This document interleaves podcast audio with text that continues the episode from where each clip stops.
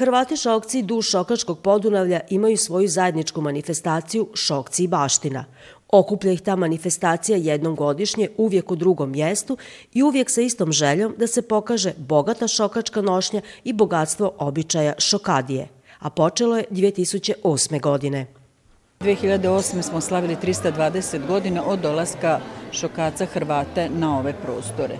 Tako da je već, onda smo se zvali e, Tragovi šokaca od gradovrha do Bača, a već sledeće godine je uspostavljena ova manifestacija Šokci i baština i evo traje još uvek. Igralo se na ćoši, igrala su se djeca, čula se riječ na šokačkoj ikavici, veselilo se u svatovski bećarac, ali na nešto drugačiji način.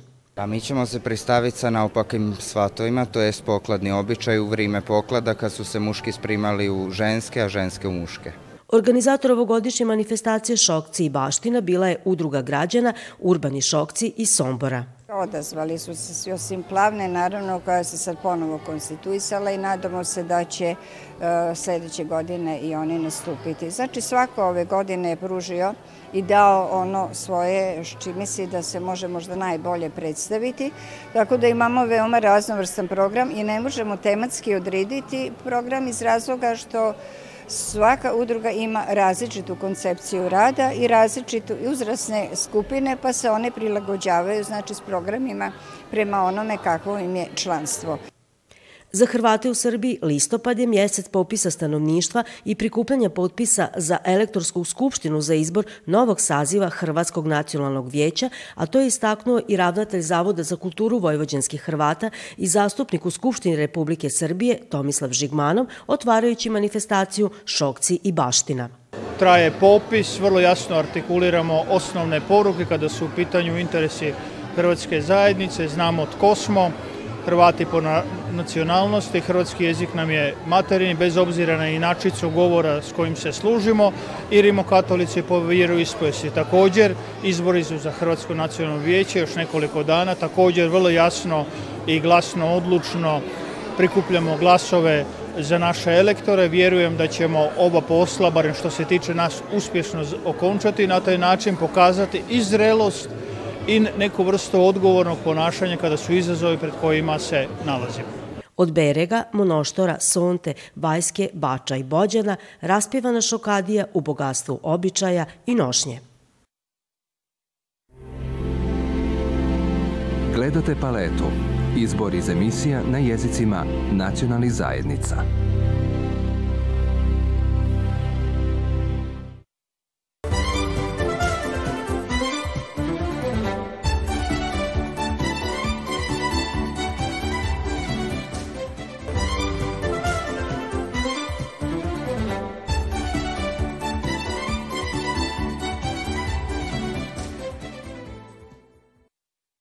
Slikarica Josipa Križanović rođena je na salašima bačkog mjesta Đurđina pokraj Subotice. Ne čudi stoga, kažu njezini kolege i likovni kritičari, što kroz svoj umjetnički izričaj najčešće i najbolje govori o poljima, salašima, žetvenim radovima. Ja nje rad pratim više od ovog jubileja dve decenije, skoro tri decenije pratim i ona a, permanentno a, ima svoj a, taj istraživački nagon mogućnosti dosega tehnike, boja, i, a posebno je vezana za, za Panoniju, tako je nazvala i ovu izrazu, Panonije i ja. Ona je jedinstvena u tom prikazivanju o, Panonske ravnice. Od svih slikara koja ja znam, ona je jedinstvena koja unosi e, kolorit koje je valjda upijala od svog ranog detinjstva pa na ovamo, a jako je, e, mogu slobodno reći, ambiciozna u traženju što boljeg izraza na svoj vlastiti način ekspresije primljene e, boje ravnice Panonije na svoja platna. Josipa Križanović se prvi put kao slikarica Subotičkoj publici predstavila 2002. godine. Od tada neprestano stvara, sudjeluje na izložbama, kolonijama, humanitarnim akcijama u zemlji i inozemstvu. Članica je među ostalim likovnog odjela Hrvatskog kulturnog centra Bunjevačko kolo. Ovo je treći ciklus pod nazivom Panonija e, i on na neki način ovaj, obeležava retrospektivu zadnjih 10-12 godina. E,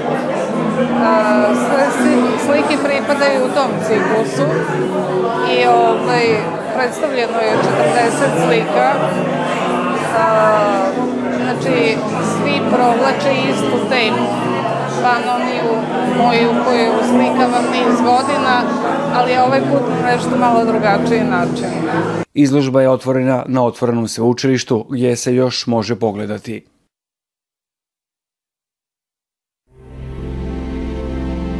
Gledate paletu. Izbor iz emisija na jezicima nacionalnih zajednica.